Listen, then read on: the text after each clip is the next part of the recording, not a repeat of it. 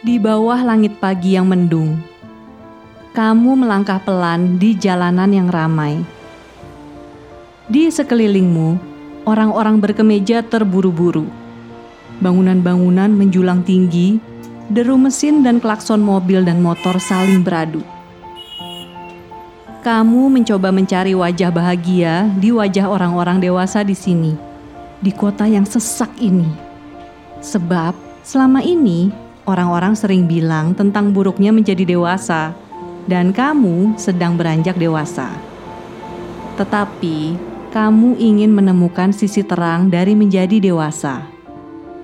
Jadi, di sini, di kota yang sesak ini, kamu memperhatikan wajah orang-orang berkemeja, menganalisis profesi mereka dari pakaian mereka, dari cara mereka berjalan, dan apa pun yang bisa kamu perhatikan supaya nanti saat dewasa kamu tahu profesi apa yang bisa membuatmu sedikit lebih bahagia, sedikit lebih nyaman. Ada kursi kesepian di trotoar. Kamu berjalan ke situ, duduk di sana, memperhatikan lebih jernih dan mencari satu target. Nah, itu seorang pemuda baru saja turun dari ojek dia mengenakan kemeja biru langit dan celana hitam ala anak kantoran. Jari-jarinya yang gemuk melepas helm, menyerahkannya kepada sang pengemudi. Lekas, dia mengelap keringat di pelipisnya. Dia bahkan lupa tersenyum. Sambil mengetik sesuatu di ponsel, dia menapaki langkah berikutnya, tergesa-gesa menuju suatu gedung. Mungkin dia seorang karyawan yang nyaris terlambat Lalu kamu menghela napas. Mungkin begitu sih ya kalau jadi karyawan. Jadi kayak sekolah lagi gitu kali ya. Beberapa tempat kan ngatur tuh jam berapa kamu masuk, jam berapa kamu keluar. Masuk pagi, pulang malam. Aduh, jadi bawahan juga harus siap kalau dimarahin bos. Atau dikelilingirkan rekan yang iri kayak di film-film gitu. Belum lagi kalau terjebak dalam sistem yang gak diharapkan. Gak ada kebebasan, gak bisa berkontribusi penuh, gak peduli sekreatif apa pun aku nanti. Tetapi kamu hanya melihat sisi buruk menjadi karyawan. Namun, inilah sisi baiknya. Menjadi karyawan berarti kamu akan digaji setiap bulan, dan bagi beberapa orang itu lebih aman Selain itu, menjadi karyawan berarti kamu memiliki seorang atasan, yang mana kamu akan belajar banyak darinya, yang mungkin bisa menjadi mentormu di masa depan. Menjadi karyawan mendorongmu untuk disiplin, karena beberapa orang memutuskan bekerja secara mandiri dan mereka terengah-engah, tak mampu mendisiplinkan diri, dan gagal di kemudian hari. Setidaknya, saat menjadi karyawan, kamu diawasi kamu diberi tanggung jawab oleh atasan yang nyata, dan itu akan membuatmu berusaha lebih baik. Lalu, menjadi karyawan mengajarimu tentang berjuang dari bawah, membuatmu paham posisi-posisi orang di bawah saat kamu sudah di atas nanti, yang mudah-mudahan bermanfaat saat kamu punya pengaruh nanti. Namun, aku juga harus membocorkan bagian-bagian yang tak mengenakan dari menjadi karyawan. Kamu akan selalu terjebak dalam sistem bisa saja itu sistem yang tak sesuai dengan prinsipmu, dan kamu tak bisa berbuat apa-apa selain memendam rasa bersalah. Tetapi bisa juga kamu terjebak di sistem yang tak bertabrakan dengan prinsipmu. Just like anything in life, we don't really know anything. Atau mungkin suatu waktu perusahaanmu akan mengalami beberapa perubahan drastis yang menyebabkanmu harus mencari jalur lain maka di kepalamu menjadi karyawan tetap tak enak. I cannot create my own system. I cannot choose the people I want to be with. I don't want to give my future to the company I don't even know its future. Batinmu. Jadi, kamu mencari target lain di jalanan itu. Tepat. Ada seorang laki-laki melangkah santai menuju gedung yang lain. Terlalu tua untuk disebut pemuda, tapi terlalu tua juga untuk disebut bapak-bapak. Dia melangkah dengan seragam khas PNS, sesekali melihat jam tangannya menyapa dan tersenyum pada rekan-rekan yang mengenakan seragam yang sama. Jadi PNS kayaknya enak, kerjanya santai, lebih menjamin juga pas sudah tua nanti. Namun, di satu sisi, ada jiwa muda yang ingin bebas, bertualang, dan bereksperimen di dalam dadamu. Kamu tak ingin dimutasi di sana-sini. Iya, itu bagian dari petualangan dan eksperimen. Tetapi, kamu ingin memilih petualangan dan eksperimenmu sendiri. Kamu juga tak ingin cuma duduk diam, melakukan hal yang sama selama bertahun-tahun, berdiskusi dengan orang-orang yang terlalu memuja sistem lama. So, it's like going back to feeling trapped in a system you don't really want to be in. Tapi jaminan kerjanya itu loh, lebih menjamin banget sampai tua. Well, yes, ini bisa jadi strategi yang bagus untuk hari tuamu. Namun, aku juga ingin memberi satu dua hal. PNS, sebagaimana pekerjaan-pekerjaan lain, memiliki kurang dan lebihnya. Lebihnya, kamu mungkin sudah tahu. Kurangnya juga. Tetapi, yang ingin kujadikan poin utama adalah tentang jaminan di masa tua dan terjebak sistem. Sekali lagi, memilih PNS untuk mendapatkan jaminan di masa tua adalah strategi yang bagus. Namun, kita tak bisa menggantungkan harap yang penuh pada hal ini. Bukan cuma PNS, profesi apa pun. Tak bisa kita taruhkan seluruh harap kita di sana. Sebab kita tak tahu apa yang akan terjadi 10 atau 20 tahun mendatang. Jika kita memang ingin menjadikan ini sebagai jaminan di masa tua, maka kita juga harus memikirkan kemungkinan-kemungkinan yang terjadi di masa depan. Maksudku, bagaimana jika ada perubahan aturan di masa depan karena satu dua hal yang tak terelakkan? Apakah kamu masih mau memperjuangkan ini? Atau jaminan masa tuanya saja yang kamu kejar?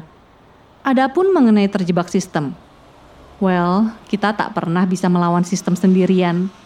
Namun, kita butuh agen-agen perubahan. Kita butuh orang-orang yang terbuka pada inovasi. Dan jika itu ada pada dirimu, pertahankan meskipun kamu terjebak dalam kenyamanan sebuah sistem, selama sistem itu halal dan baik.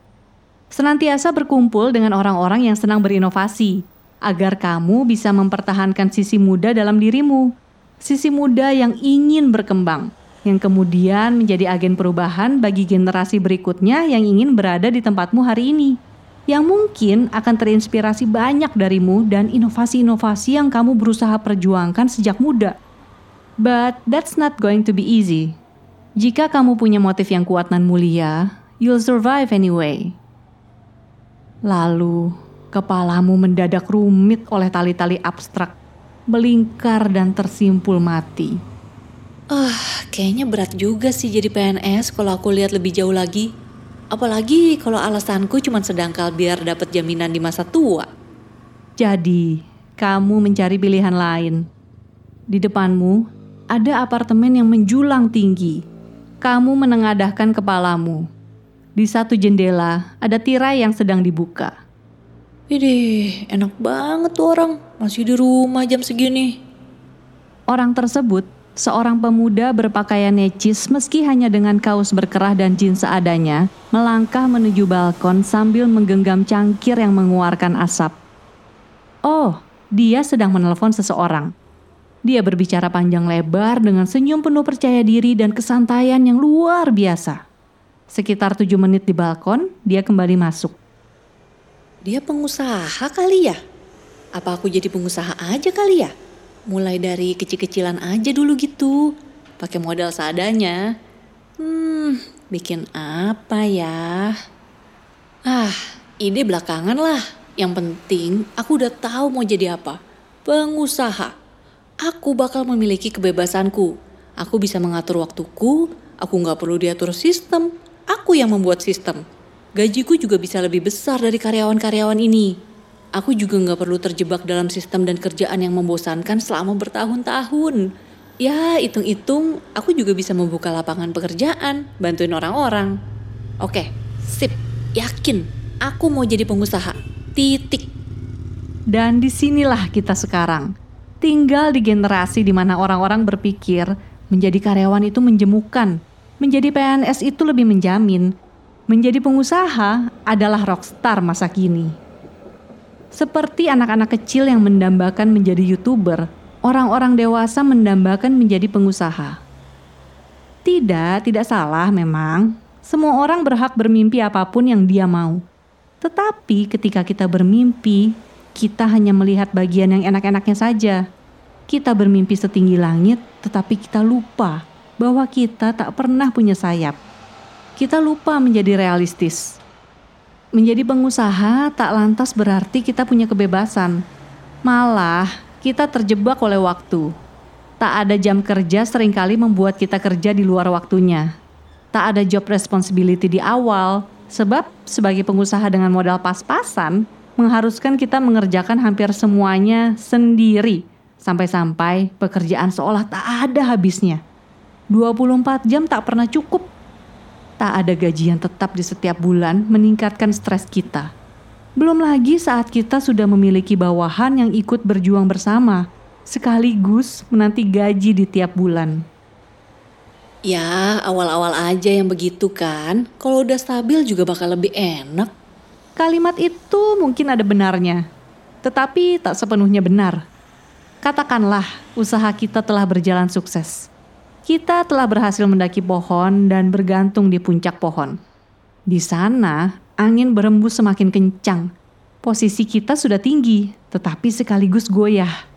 Dan pohon senantiasa tumbuh semakin tinggi. Kita tak bisa terus-terusan bergantung begitu. Kita butuh mendaki lagi. Ingat bagaimana Nokia merasa telah menguasai pasar ponsel. Atau ingat bagaimana Fuji mengira telah menguasai pasar kamera. Ingat juga dong bagaimana BlackBerry yakin akan posisinya pada pasar ponsel pintar. Pohon terus tumbuh. Kita tak pernah benar-benar stabil.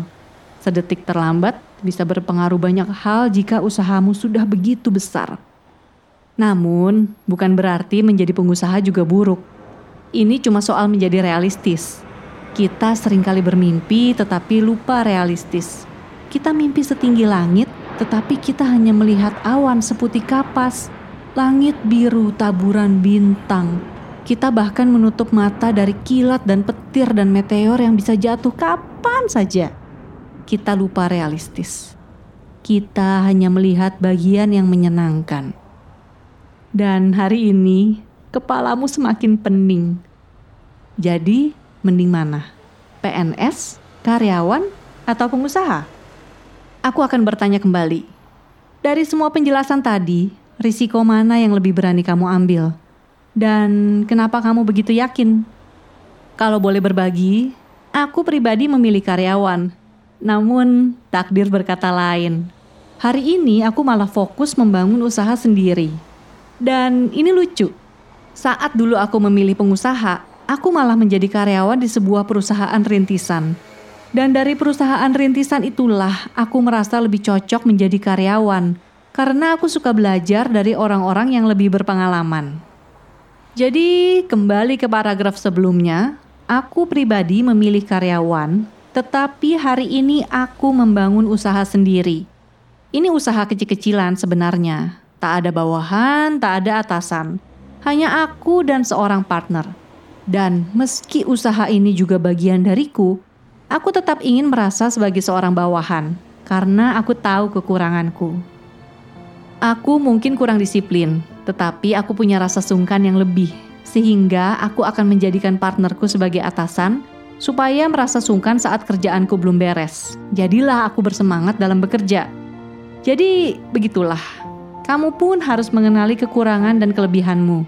Terkadang, untuk tahu kekurangan dan kelebihanmu, kamu juga butuh mengotori tanganmu, membasahi langkahmu, dan mencoba apa yang kamu inginkan. Ikuti alur yang ada sekaligus berpegang teguh pada kebenaran. Lalu, seperti kata orang-orang, nikmati prosesnya. Tentukan pijakan-pijakan berikutnya, bangun sayapmu dan terbanglah menuju mimpimu. Tetapi ingat-ingat selalu, pilihlah yang halal, pastikan benar-benar mana pekerjaan yang baik dan halal, agar rejeki yang kamu terima berkah, dan supaya hati ini juga tenang. Oh, satu lagi. Tak ada mimpi yang sempurna di dunia yang tak sempurna ini.